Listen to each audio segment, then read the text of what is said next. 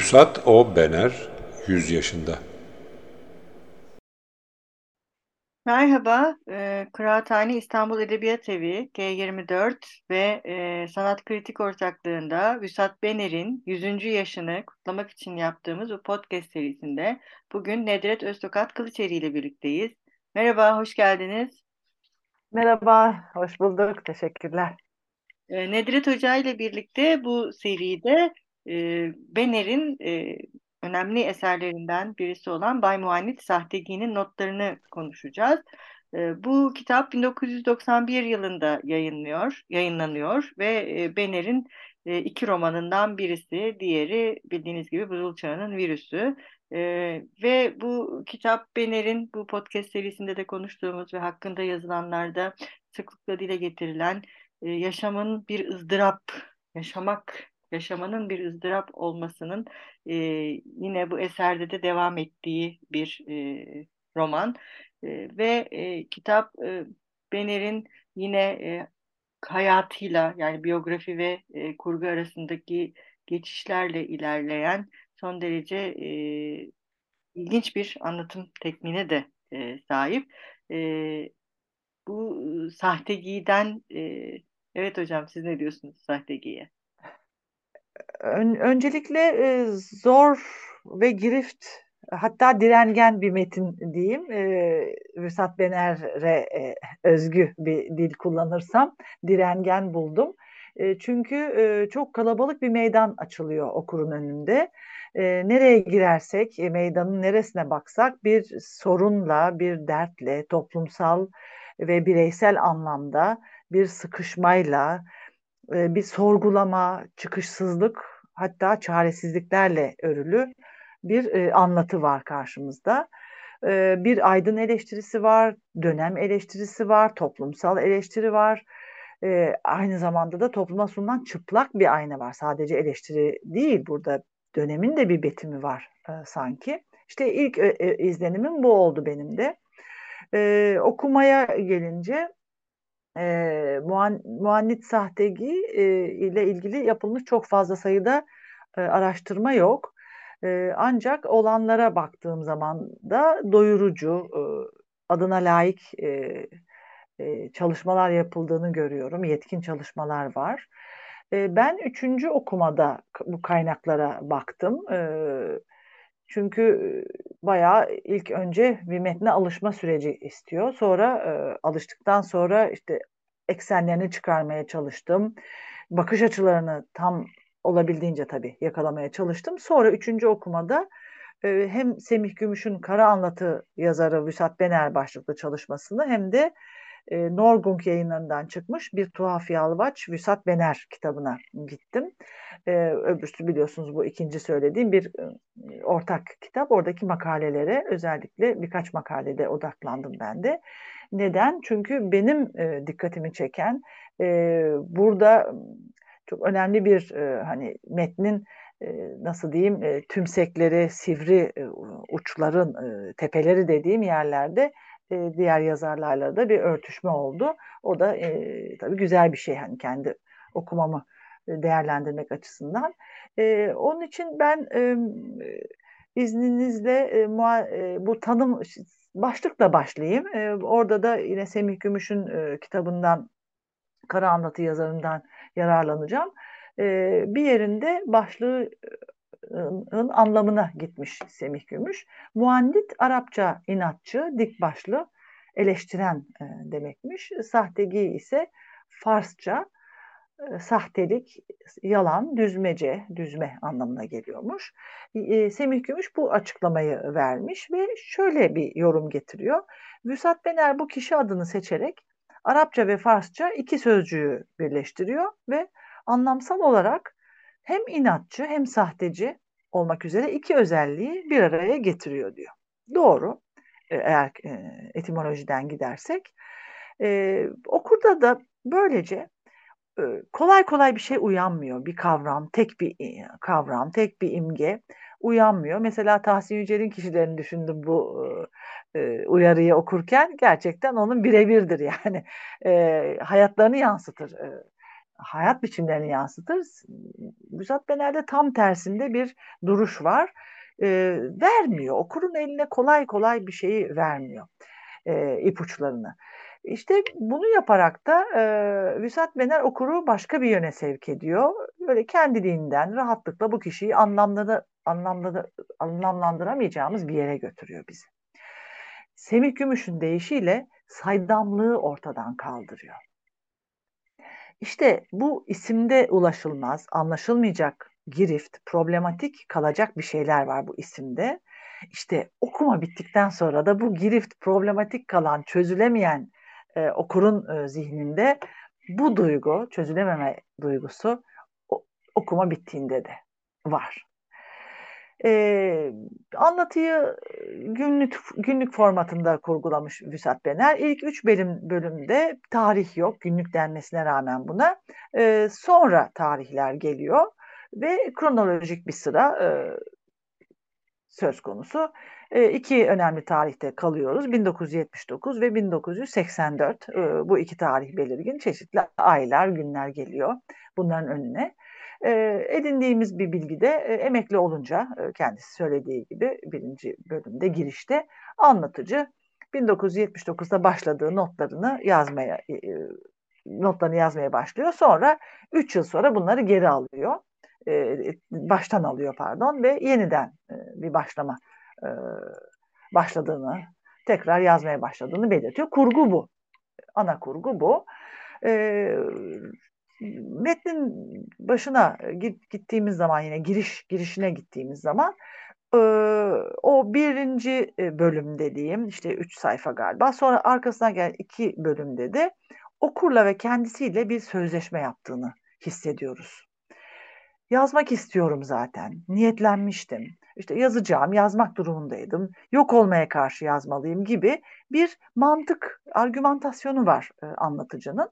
Ve e, tam bu böyle kendi argümantasyonunu kurarken, kura dursun hemen paralelinde de aynı zamanda bir başka söylem akmaya başlıyor. Nesin sen? bu içsel duruş, entelektüel e, duruş, bu duygusal tepki, bunlar nedir gibi başka bir sesi duymaya başlıyoruz. E, çok ilginç o anlamda. Zaten hep diyorlar ya bu ilk bölümünü okumak, metne girmek zordur. İşte bence bu iki sesin, iki duruşun varlığı bunu yapıyor okurda. Giriş cümlesini aldım ben. E, çok önemlidir giriş cümleleri. Hele bu tür yazarlarda e, giriş cümleleri e, metnin, yapıtın yazarın e, yaz, yazma mantığının da ipuçlarını verir. Şöyle başlamış, e, bilenler bilir. Yine öldürgen bir intihar sabahı. 20 miligram nobraksin almama karşın ellerimin titremesini önleyemiyorum. Kaydın Bay Mu Muannit Sahtegi, seni konuşmak değil yazmak kurtarır derken, yani günlük adı altında ilk 3-5 tümcenin yazıldığı günden tam 3 yıl sonra yeniden başlamayı deniyorum. Gördünüz mü? Nasıl böyle e, ellerimin titremesi, nobraksin böyle sanki bir sağlık durumunu da veriyor. Öldürgen bir intihar sabahı biraz sonra ona döneceğiz ve günlük adı altında türünü veriyor, ne yapmak istediğini veriyor. O işte ikircikli halini veriyor. Tam yazmak kurtarır derken e, denemeyi deniyorum tekrar. Devam ediyor anlatıcı. Yoksa galiba dün gördüğüm yanı başında sulandırılmış rakı, rakı şişesi dilenen ihtiyardan beter yıkılmış olacağım. Yoksa yıkılmış olacağım. Bakın bir hem de bir zorlamaya zorlama varmış gibi. Zorunda olma durumu gibi. Neyi, nasıl, niçin kurtarma? İşte tam girişim varken diyorum ya iki paralel e, enerji var gibi metinde. Tam bir girişim varken ölmüşü sıfırlıyor bir beklenti ufkunu, olasılık ufkunu. Neden bunca korkmak, yıkılmaktan, yok olmaktan? Hadi çabuk. Biraz atladım. Hadi çabuk. İç çek biraz. Zayıflığını kimse görmüyor nasıl olsa. Sonra bırakma, salma kendini. Yaz inceleyip sık dokumadan kim ne derse desin. Nasıl bu ikili hareket belirgin değil mi? Böyle bir tereddüt var gibi. İki e, yani iradede beliren, yükselen bir tereddüt, bir bölünme ve okur da daha metne girerken bu tereddüte tanıklık e- ediyor. Nasıl bir kurgu bu yani? Hakikaten bundan daha iyi verilemezdi. İşte bir anlatı programı var. Yaz, yazman lazım. Ee, yapman gereken bu. Bir söz veriyor kendi kendi kendine sanki ama aynı zamanda da tutabilecek mi bu sözü? Yani e, yanında içkisiyle direnmek, e, dilenmekte olan dilenci gibi yıkılıp gidecekmiş. En büyük en büyük gerilim orada. Yıkılıp gitmek mi? Durmak mı? İşte o o çok e, daha baştan verilen çok güçlü bir e, e, etki. Dolayısıyla bu bir sözleş, sözleşme ve 3 yıl sonra günceye tekrar başlıyorum diyor. Ee, fazla da kurcalamaya gerek yok. Yazabildiğim kadarını yazacağım diyor. Orada da bir e, kendi bir duruşu var. Peki ya yazmak? Yazmayı nasıl tanımlıyor? Yine o birinci bölümde kalırsak, birinci parçada kalırsak saçmayı saçma kılmayı deneyeyim diyor. Yaşadığım saçma. Hadi bunu bunun saçmalığını da yapıp yazmaya çalışayım gibi bir e, yere de gide, gidebiliriz. Peki o zaman yazarlık çıkacaksa ortaya bu neyi yazacak? Yazarı nasıl tanımlıyor? Kendini yazar olarak nasıl tanımlıyor dersek inanılmaz bir e, sıfat e, tamlaması buldum. Pardon, ad tamlaması buldum. Umutsuzluk ağıtçısı. Yani yazılan şey bir umutsuzluk anlatısı olacak. Yazan da bir ağıtçı. Ağıtı yakan, ağıtı dile getiren. İşte e, yıkılma, azalma, yok olmaya bir şekilde hem bir anda yıkılma, azalma var. Hani yıkılır, yıkılacak bir dilenci gibi mi olacağım ben diyor. Hem direnme, yaz, e, bir çaba, kurtuluşu yazıda bulma, sözde bulma, logos, logosu ara, aramak, logosu bulmak, kendi anlatısını kurmak hatta bir adım daha ileri gidelim değil mi? Kendi e, öyküsünü kurmak, anlatısını kurmak, e, var olabilmek, onun için hem hiçliğin elinden kurtulmak, e, bunu yapacak ama o hiçlikte nasıl bir hiçlik? İşte bütün metin o e, anlatıcının, e, muannit sahtegiğinin o hiçlikle varlık arasındaki o gidiş gidip gelme, o osilasyon, o salınımını belki anlatıyor. İşte bir, birinci bölümde bu yine yazma e, eylemine hani demin umutsuzluk ağaççısı diye dikkatini mi çekmişti, altını çizmiştim. Bir başka e, tamlama daha var. Yazma kurtuluşsuzluk gevezeliği diyor. Yani gevezelik yapacağım. Logos olacak orada ama neyin gevezeliği bu? Demin umutsuzluk demişti. Burada da kurtuluşsuzluk diyor. Bakın hep olmayan bir şey, e, eksik bir şey. Logos var ama özgürleştirici, sağaltıcı bir söz, bir anlatı ya açılmıyor. Öyle bir hikaye yok. Ee, dediğim gibi bu ilk üç metinde tarih yok. Daha sonra ilk tarih geliyor. 1 Ekim 1979.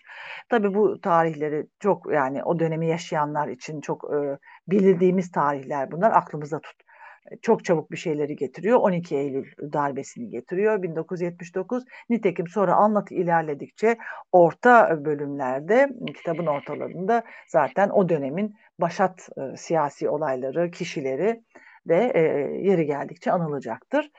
E, girişte yine devam ettiğimiz e, edersek e, temel e, izlekleri buluyoruz demiştim zaten.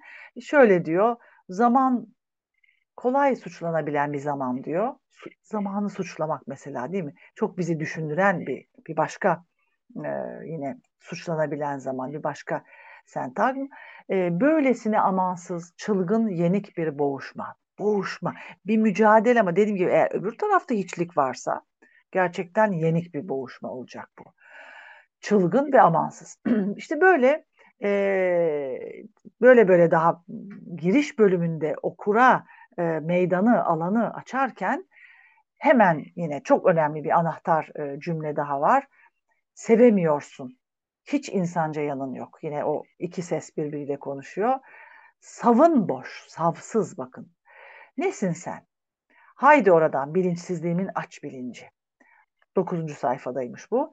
İşte sevememek, bilincin açlığı, savdan yoksunluk yine bizi nereye getiriyor? Angajmanın hiçsizliği bu bu e, saptamada ben e, angajmanın hiçliğine de angajmanın e, belki gereksizliğine, yokluğuna da çok e, takıldım.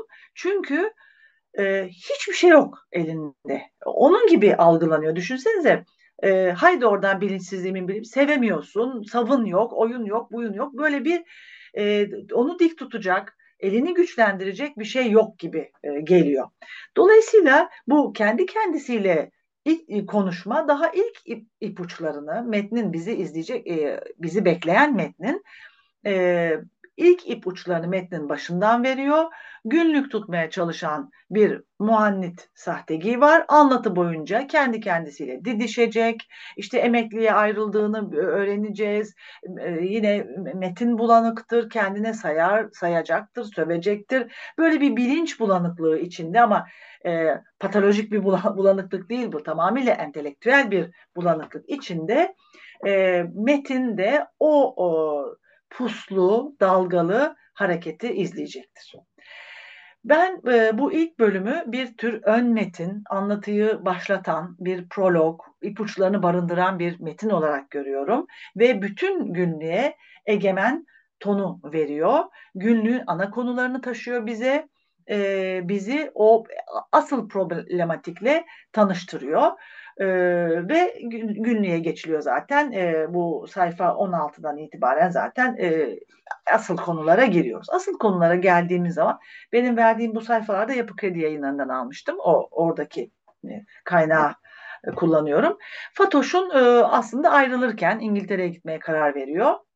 Orada bunların vedalaşmalarıyla başlıyor. Sonra e, evine e, anlatıcının evine döndüğünü görüyoruz. İşte ben bu üç bölüm arasında işte Fatoş e, nasıl konumlanıyor, işte bir e, evlatlık hikayesi var, onu e, ona babalık ediyor. Onun kızın kendi ailesi var, arkadaşları var. Bu üç bölüm yani metni başlatan üç parça arasında gidip geldim, gidip geldim. Sonunda o girişte de bahseder Arnold Schönberg'in yaylısı da radyodan yükselir o sırada bu böyle kendi düşüncelerini yaza dursun. Ben oturdum Schönberg'in yaylılarını açtım ve dinledim. Ve metnin anlatma tarzını bulacağımı e, umdum ve gerçekten bir fikir verdi. Birinci bölümde işte bu radyoda çalmakta olan e, yaylı kuarteti e, YouTube'dan, şimdi internetten bulunuyor zaten. E, bu alışılmış kalıbın dışında kalması, modern, aynı anda birçok şeyi anlatıyor gibi bir bir duyguya, e, izlenime edindim dinlerken. E, hissetmeye çalıştım ve bir, bir örtüşme de oldu. Böyle bir deneyimi de e, belki okura bundan sonra okuyacak olan olursa belki e, önerebilirim. İşte merkezde e, anlatıcı Muannit Sahtegi var. Onun e, çevresi de de çeşitli daireler var. Fatoş var. Fatoş'un ailesi var e, arkadaşları var Fatoş'un işte Feride, Yurdanur, onun kocası, Nazike, Nazike'nin arkadaşı var Suzan bir İngiliz. Bunlar ara ara geliyorlar orada da kalıyorlar. Sonra Fatoş'un nişanlısı Deve diyor ona. O geliyor. Bir Cevdet var Fransa'da yanılmıyorsam. Dayı oğlu var. O da gidip onun bürosunda bazen çalışıyor. Eve temizliğe gelen Sultan var. Adı geçen yine e, ama direkt metne katılmayan e, bir satılmış var. Ve bütün bunların ortasında Muannet Sahtegi köksüz. Kendisini köksüz bir karmaşıklığın içinde belirliyor kendi sözleriyle e, ve e, böyle bir e, kalabalığın ortasında düşüncelerini, işte kendi varoluşunu, bütün her haliyle anlatan, bu insanlarla ilişkilerini de anlatan bir kahraman e, olarak karşımıza çıkıyor. Vüsat Bener okumamda e, Semih Gümüş'ün bu e, Vüsat Bener e, kitabıyla bazı ortak noktalar bulduğumu belirtmiştim. Bunlardan en önemlisi bence e, uyumsuz sıfatı. Uyumsuz geçiyor çünkü daha ilk bölümde de e, benim hemen dikkatimi çekmişti. Çünkü bin, e, Vüsat Bener'lerin döneminde uyumsuzun hem felsefi hem terim olarak bir karşılığı vardır. Yani bir, bir yere uyum sağlayamayan değildir. E, hemen uyumsuzun geçtiği aynı sayfada da okurların da dikkatinden kaçmayacaktır. Saçmayı saçma kılmayı deneyelim der sayfa 10'da. Ee, ve saçmayı saçma kılmayı deneyelim yazarak işte e, uyumsuzluk sözcüğü de hemen arkasından geçer. Aslında muannit sahtegi uyumsuz bir kişiliktir. Vüsat Bener benim anladığım kadarıyla bir uyumsuz kişi yaratmıştır. Edebiyata da bunu armağan etmiştir. E, çünkü biliyoruz ki biz uyumsuz kişi e, düzenle uzlaşmaz, oturmaz bir türlü o düzenin içine. Hatta yine kendi sözüyle söyleyeyim, e, metinde geçer çok sevdim. E, metaforik bir kullanma, kullanım var. Bir planöre binmiş de o pilotun paraşütü açılmıyor gibi der. Öyle bir hal der. Kendisini bir umutsuzluk ağaççısı gibi orada görür zaten. E, ve sınırlılığın hacı yatmaz deliliği oyununa kapılıp gideceksin sonunda da. İşte bu uyumsuz kişinin sesidir. Yani uyumsuz kişinin bize ve kendine söyleyeceği bir şeydir. Farkındadır. Onun için uyumsuzdur ama uymamanın moral duruşunu da çıkaracak gücü yoktur e, sahteginin. E, anlatı boyunca dibe doğru giden bir e, hareket görürüz. Kişilik dibe doğru gider. E, ve şöyle der, anlatımızı ağlatımızı dillen, dillendirelim der. Onun anlatısı aslında bir ağlatı. Ağlatı da yine Vüsat Bener dönemini e, bilenler e, ağlatın tragedi olduğunu bilirler. İşte ağlatısı, trajedisi de bu uyumsuz kişinin oradadır. Oradan bir kendine bir angajman, kendine bir duruş çıkaramayacağını Vüsat Bener sanki görmüştür ve öyle de tasarlamıştır. İşte bu uyumsuz, saçma terimleri 1980'lerde Camus'un Sisyphos ve Sisyphos söyleni ve baş kaldıran insan e, çevirilerinde Tahsin Yücel'in çevirisinde terim olarak vardır. Yine aynı döneme gönderiyorum. Zehra İpşiroğlu'nun Uyumsuz Tiyatro kitabında vardır. Yani bu felsefi arka planı olan bir terimdir ve bu metninde bence önemli o felsefi arka planını bize açıklayan bir anahtar e, terimdir. E, uyumsuz e, Sonradan işte absürde dönüldü. Absürt deniyor, çıkılıyor ama uyumsuz da gerçekten o yıllar için Müsat Bener'in yazdığı döneminde düşünürsek önemli bir kavramdır. Sisyphos söylenine dönersem e, yine e, Camus der ki bize uyumsuz dünya tanrısız bir dünyadır der. E, bizim e, sahteginin dünyası da öyle değil mi? Hatta bir yerde böyle bir oyun yapar. İncil'in üzerine İncil'i e, işte e, öpeyim falan diyen Kur'an'ı öpmek gibi böyle bir e, şeyleri vardır. Belki e, aykırı bir duruşu da vardır.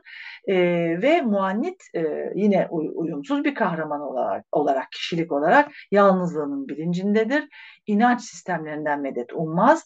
Yapayalnızlığını Fatoş'un varlığına e, rağmen o yapayalnızlığı tam yapayalnız mı dersek Fatoş'u sorgulamamız lazım ama yapayalnızdır. Fatoş'a rağmen yapayalnızdır. E, belki bu kadar içmesi, defalarca karar verip başladığı bu içkiyi bırakma kararına da duramaması yalnızlığıyla yüzleşmemeyle belki de ilişkilidir.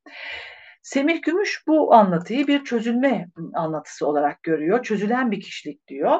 Ben de Camus'den e, iliş, e, esinle onu düşüşle ilişkilendirdim. Daha ilk okumamda şu e, Muannit Sahtegi'yi e, düşüşün, Albert Camus'un düşüşünün Jean-Baptiste Clemence'yle yakın buldum, bir akrabalık buldum ikisinin arasında.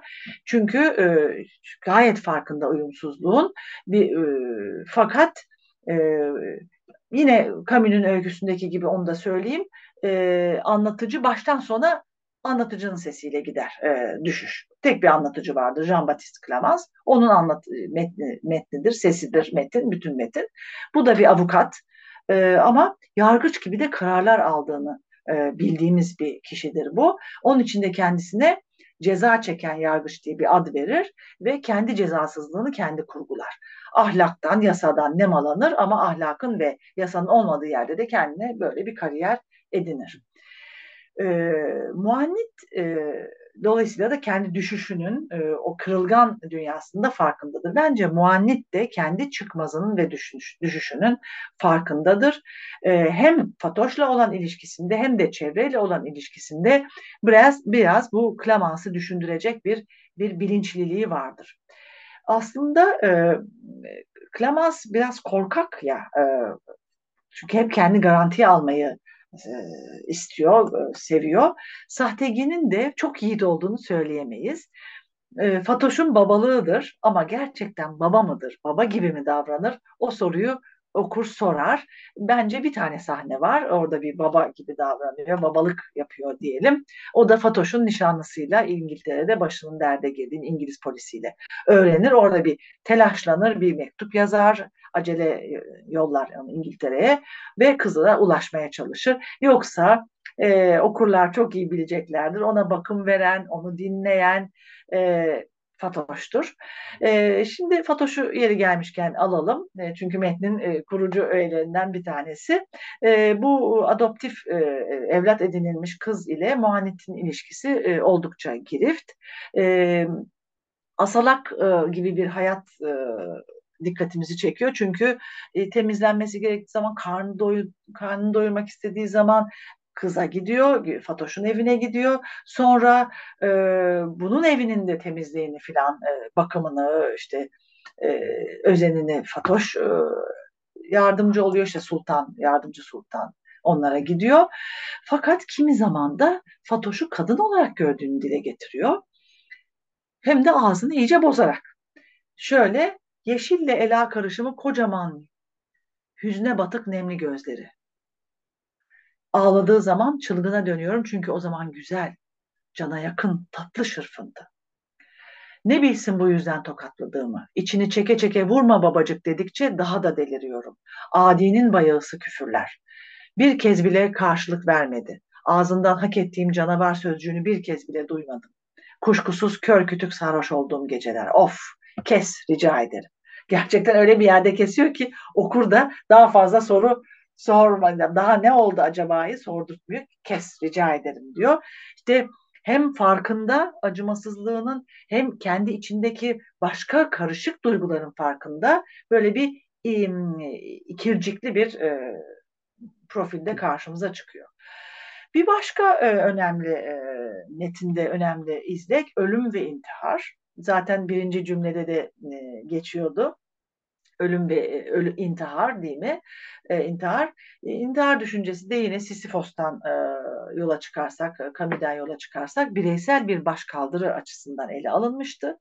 E, hatta sonrasında baş kaldıran insanda da bir felsefi duruş olarak e, intihar e, diye bölümler vardır. Bunları geliştirir Camus.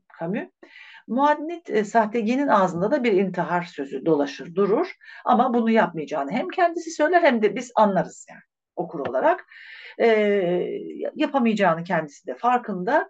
E, bu öldürgen bir intihar sabahı diye başladı ya metin. İşte bu o, ağızda pelesenk bir e, intihar e, figürüne dönüşür anlatı boyunca. Ve ben bunu okurken bu intihar etmek bir de bunun durmadan bir içmesi var ya orada Adalet Ağoğlu'nun e, şu meşhur e, cümlesi e, Adalet Ağoğlu'nun anlatıcısının cümlesi aklıma düştü. İntihar etmeyeceksek içelim bari. Bu e, 1980'lerde, 90'larda böyle al, e, işte alkolün e, e, kaçtığı zamanlarda, aşırıya kaçtığı ya da belki normal sofralarda, meyhanelerde konuşulan, söylenen, dile getirilen bir şeydi. Bir düğün gecesinin başlangıç cümlesidir. Muannit sahtegiyi çok düşündüm. Bu da içiyor, içiyor. E, intihar edeceği zaten yok. E, ölmekten de tabii korkuyor bir yandan. İşte bu bununla bir ilişkilendirmeden edemedim. Zaten Adalet Ağaoğlu'nda adı e, içeride bir yerde geçiyor. E, piknik tüplüğü açsam da ölsem diyor, ölmeye yatsam filan gibi bir Adalet Ağoğlu referansı da var. E, kendine bakışta, e, demin de girişte de söyledim, iki ses, iki paralel e, hareketi, movmanı var gibi e, anlatının. Orada da e, emir kipleri çok. Yani hadi içini çek biraz, zayıflığını kimse görmüyor. Hadi oradan işte e, sus, işte tepeden tırnağa falan. Böyle bir takım kendiyle sert konuşan, acımasız bir e, üslup da dikkatimi çekiyor, dikkatimizi çekiyor. Ben bu tonu ironik buldum, sarkastik buldum, e, acımasız buldum. E, burada e, ötekileştiren, e, yine kendini kendi kendiyle ötekileştiren, küçümseyen kendini, kendi girişimini, kendi düşüncesini belki hakir gören, alaycı bir bakış var. Zaten tam da bu nedenle bence Rüsat Bener e, bizim özdeşleşmeyeceğimiz, e, kolay kolay kızmayacağımız, kolay kolay da yanında durmayacağımız bir kahraman yaratmış. Yani hiçbir şeye benzemiyor bu kahraman. Hakikaten e, eşsiz bir kahraman bence. aslında a, a, anti kahraman değil mi? Karşı, karşıt bir kahraman. E, Muannit e, Sahtegi kendisini işte umutsuzluk ağıtçısı olarak e, tanımlıyor. Bir yerde iyice sertleştiği bir e, şey var, e, bölüm var. Orada bu e, ses oyunu da çok güzel yakalanmış. Soyu sahtegi muannittir ve tepeden tırnağa ittir. Muannit it. Sözcük oyununu yapıyor. Defolur gider, mağarası bol yerlere, gitmese de gittiğini varsayar. Canına kıyamaz o kesin. Bakar mısınız? Acı bir bilinç. İntihar edemeyecek işte, e, öldürülmeye e, de kendini değer bulmaz. O çok o, hoş bir başka, hoş diyorum da aslında çok acı bir e, saptamasıdır. İntihar edemeyecek ya, öldürülmeye de değecek bir varlığı yoktur. Bu çok ilginç çünkü o dönemde sokaklarda insanlar öldürülüyordu ve e, toplu e, öldürmeler de oluyordu. Ama bizim anlatıcı emin ki Muannit Sahtegi öyle e, ölmeyecek. Kimse onu öldürmeye yeltenmeyecek. Değmez, değmez gibi bir şeysi var. E, bakış açısı var. E, dolayısıyla bu yıkıcılık, e, bu ötekilere ve kendine yönelik kızgınlık okurun çok dikkatini çekiyor. Etrafı olan kızgınlığı da yine kendine özgü sıfatlarla, tamlamalarla çıkıyor. Mesela hüngürtü pazarlayıcıları diyor çevresindeki insanlara. kurşuna dizin insanları. Nükleer güçlerin sınırlanmasına gerek yok. Bası verin kırmızı düğmelere bitsin bu hayat, hikaye, dünya gibi bir duruşu da var. Evet, metnin e, yine dikkat çekici, e, metnin bütününü açıklayacak ve bir dikkatin, dikkatimizi çeken önemli izleklerinden bir tanesi de çukur. E, çamurlu bir dip diye ilk önce geçiyor. Sonra Robinsonluk çukuruna yuvarlanmaktan bahsediyor. Fatoş gittiği zaman işte Robinson çukuruna yuvarlanacağını zannediyor babalığının. E, sonra da bir kanalizasyona döndüm diye bir şey var. E, var. Bir de meşhur e, evi basan kanalizasyon suyu epizodu var. Bir gece e, anlatıcı e, içmiş, e, zar zor ayakta dur, durduğu bir şekilde eve dönüyor ve birdenbire bileklerine kadar bir suyun içinde buluyor. Anlıyor ki bu kanalizasyon taşmış. Ee, ve çok zor bir halde sabahı sabah ediyor ve tabii ilk gittiği kişi e, Fatoş olacak. E, nedir bu halin deyince kubura düştüm. Kubur da geçiyor metinde. İşte çukur, e, kanalizasyon, e, çamurlu dip bizi böyle e, karanlık, pis, ıslak, e, istenmeyen bir e, yere e, yeri düşündür bizde.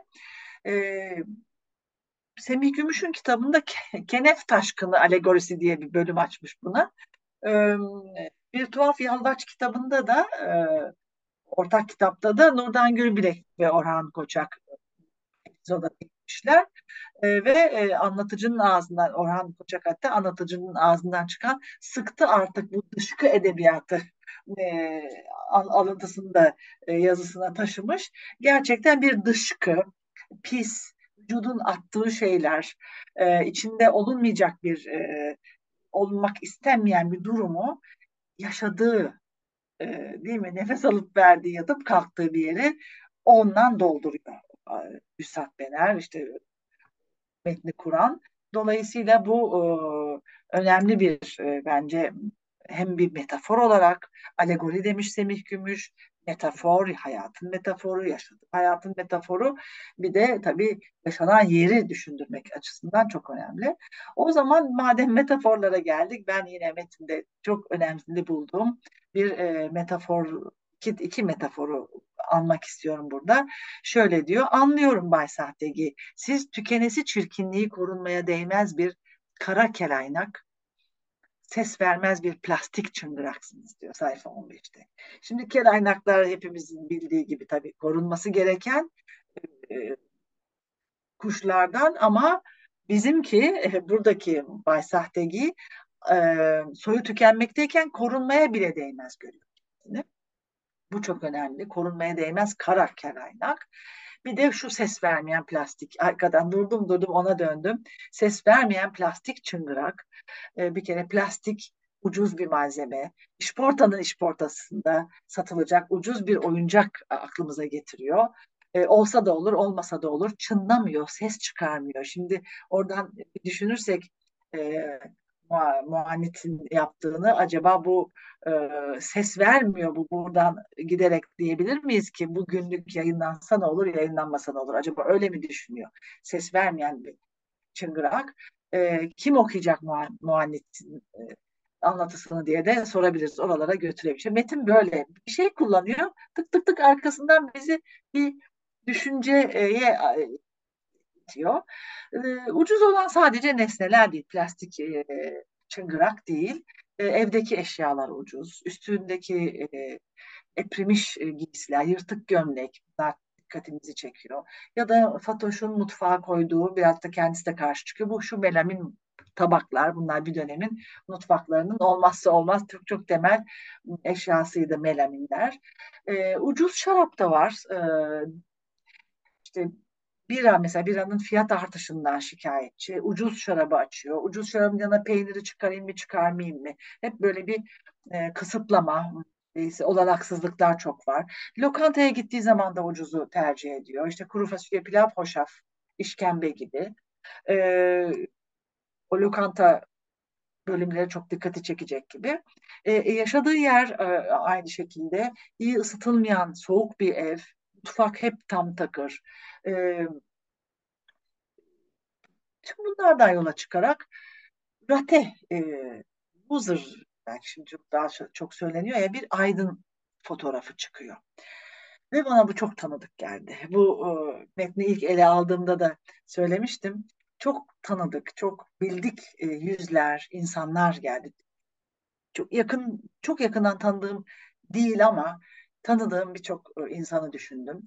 Örneğin e, sonradan çok sağ e, basının büyük bir ismi yazarı oldu. E, bir gazeteci, e, ailenin bir dostu birisi geldi aklıma. Cebindeki son e, parayla fulya alıp gelmişti bizim eve. E, ve biz tabii o zaman işte küçüğüz, ortaokulda filanız. E, şöyle dediğini hiç unutmuyorum. Son cepteki son parayla çiçek alınırsa uğur gelirmiş, bereket e, sağlarmış diye. Hakikaten sonradan e, bereket sağladığını söyleyebiliriz o e, gazetecinin Allah e, uzun ömür versin, sağlıklı ömür versin. Gerçekten e, yoksul zamanları, e, maaşın yetmediği zamanlar benim çok aklıma geldi bu e, insana, entelektüel kişilerin. Bizim anlatıcımız da müzikten anlayan, klasik müzikten anlıyor. Wagner geçiyor değil mi? Yazarlar geçiyor.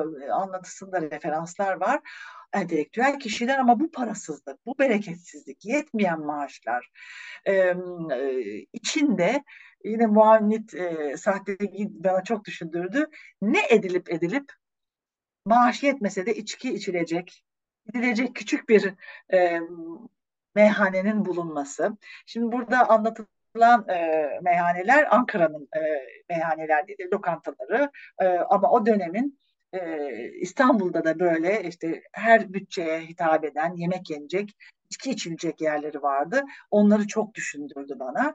E, aynı zamanda e, şu üst, e, Fatoş, Fatoş veya ve Fatoş'un arkadaşları da kalıyor. Hatta Fatoş galiba İngiltere'deyken de diyor ki şunlar şunlar var diyor. İşte babasının bir oyununu izlemeye geliyor Yurdanur. O da evi, evi açıyor, evde kalıyor.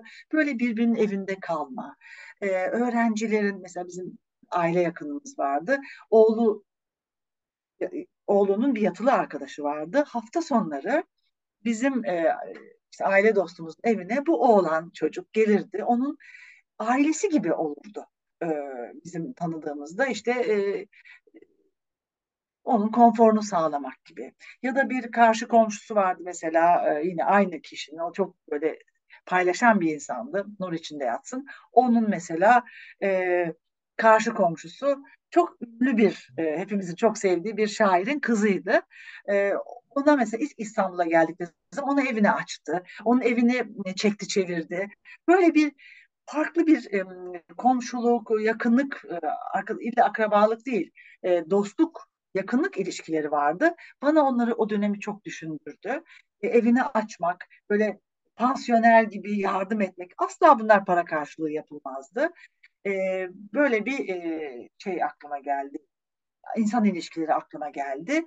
E, Kapıcı Sultan'ın devrimci kızı yine oraya böyle bir küçük işaret koydum.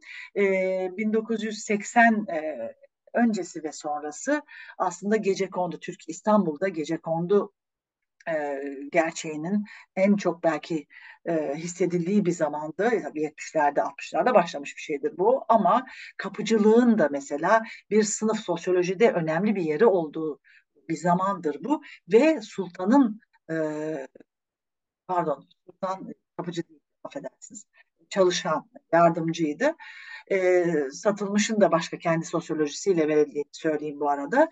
Aslında 1980'ler askeri darbeye kadar sol hareketin örgüt, örgütleniciliği içinde e, kente yeni gelenleri, yoksulları kuşatan, onlara iş bulan, yardım eden bir dayanışma kültürü vardı. Ben de bunu e, e, bu konuda hani genç okurlar eğer merak ediyorlarsa Can Kozanoğlu'yla e, bir gün Cabbas'ın Bıçkın ve Ağlak diye bu 80 döneminde sol e, hareketin nasıl kırılıp başka bir şeye evrildiğini anlatan sosyolojik güzel bir gözlem kitabı vardır. O dönemi anlatır. Gerçekten Üstad Bener'in anlatımında bu sınıflar, bu sosyoloji yerini çok net bulmuş ve bu iç su basan daire, daire, kanalizasyon basan daire aslında kapıcı dairesinin bitişi.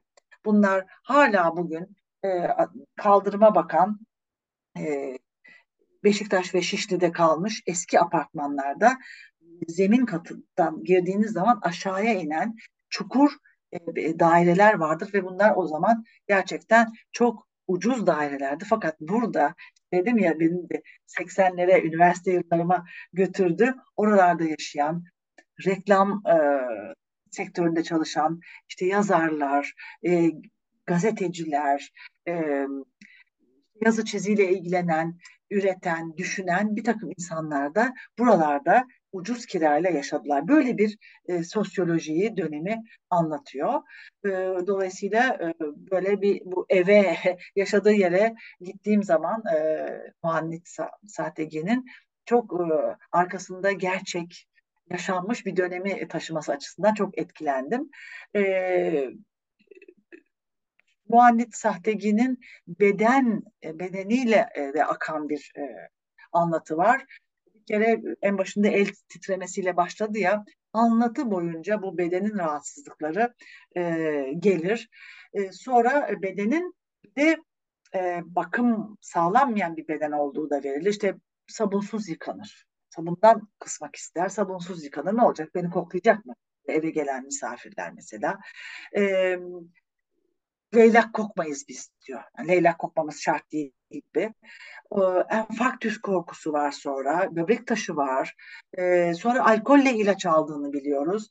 Hmm, uykusuzluk çok büyük bir dert. Mecalsiz bacaklar. Böyle her tarafına yani e, hem ruhsal anlamda hem fiziksel anlamda böyle bir çöküş, düşüş e, ya da Semih e, Gümüş'ün dediği gibi bir çözülme hikayesi olarak okuyor çöküş, düşüş e, hikayesi.